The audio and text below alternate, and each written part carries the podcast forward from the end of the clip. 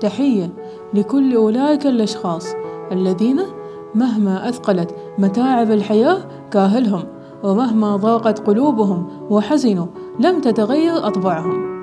وتحية لكل أولئك الذين مهما طال زمن علاقتنا بهم واختلفت المشاعر باختلاف الأحداث التي تجمعنا بهم.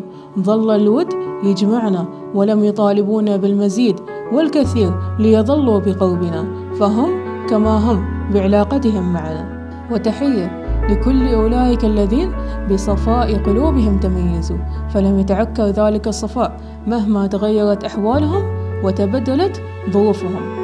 رسالتي لكل أولئك الأشخاص أن يظلوا كما هم بذلك النقاء الذي به عرفوا وبصدق الشعور الذي به تميزت أطباعهم فأصبح ينعكس بعفوية على أفعالهم.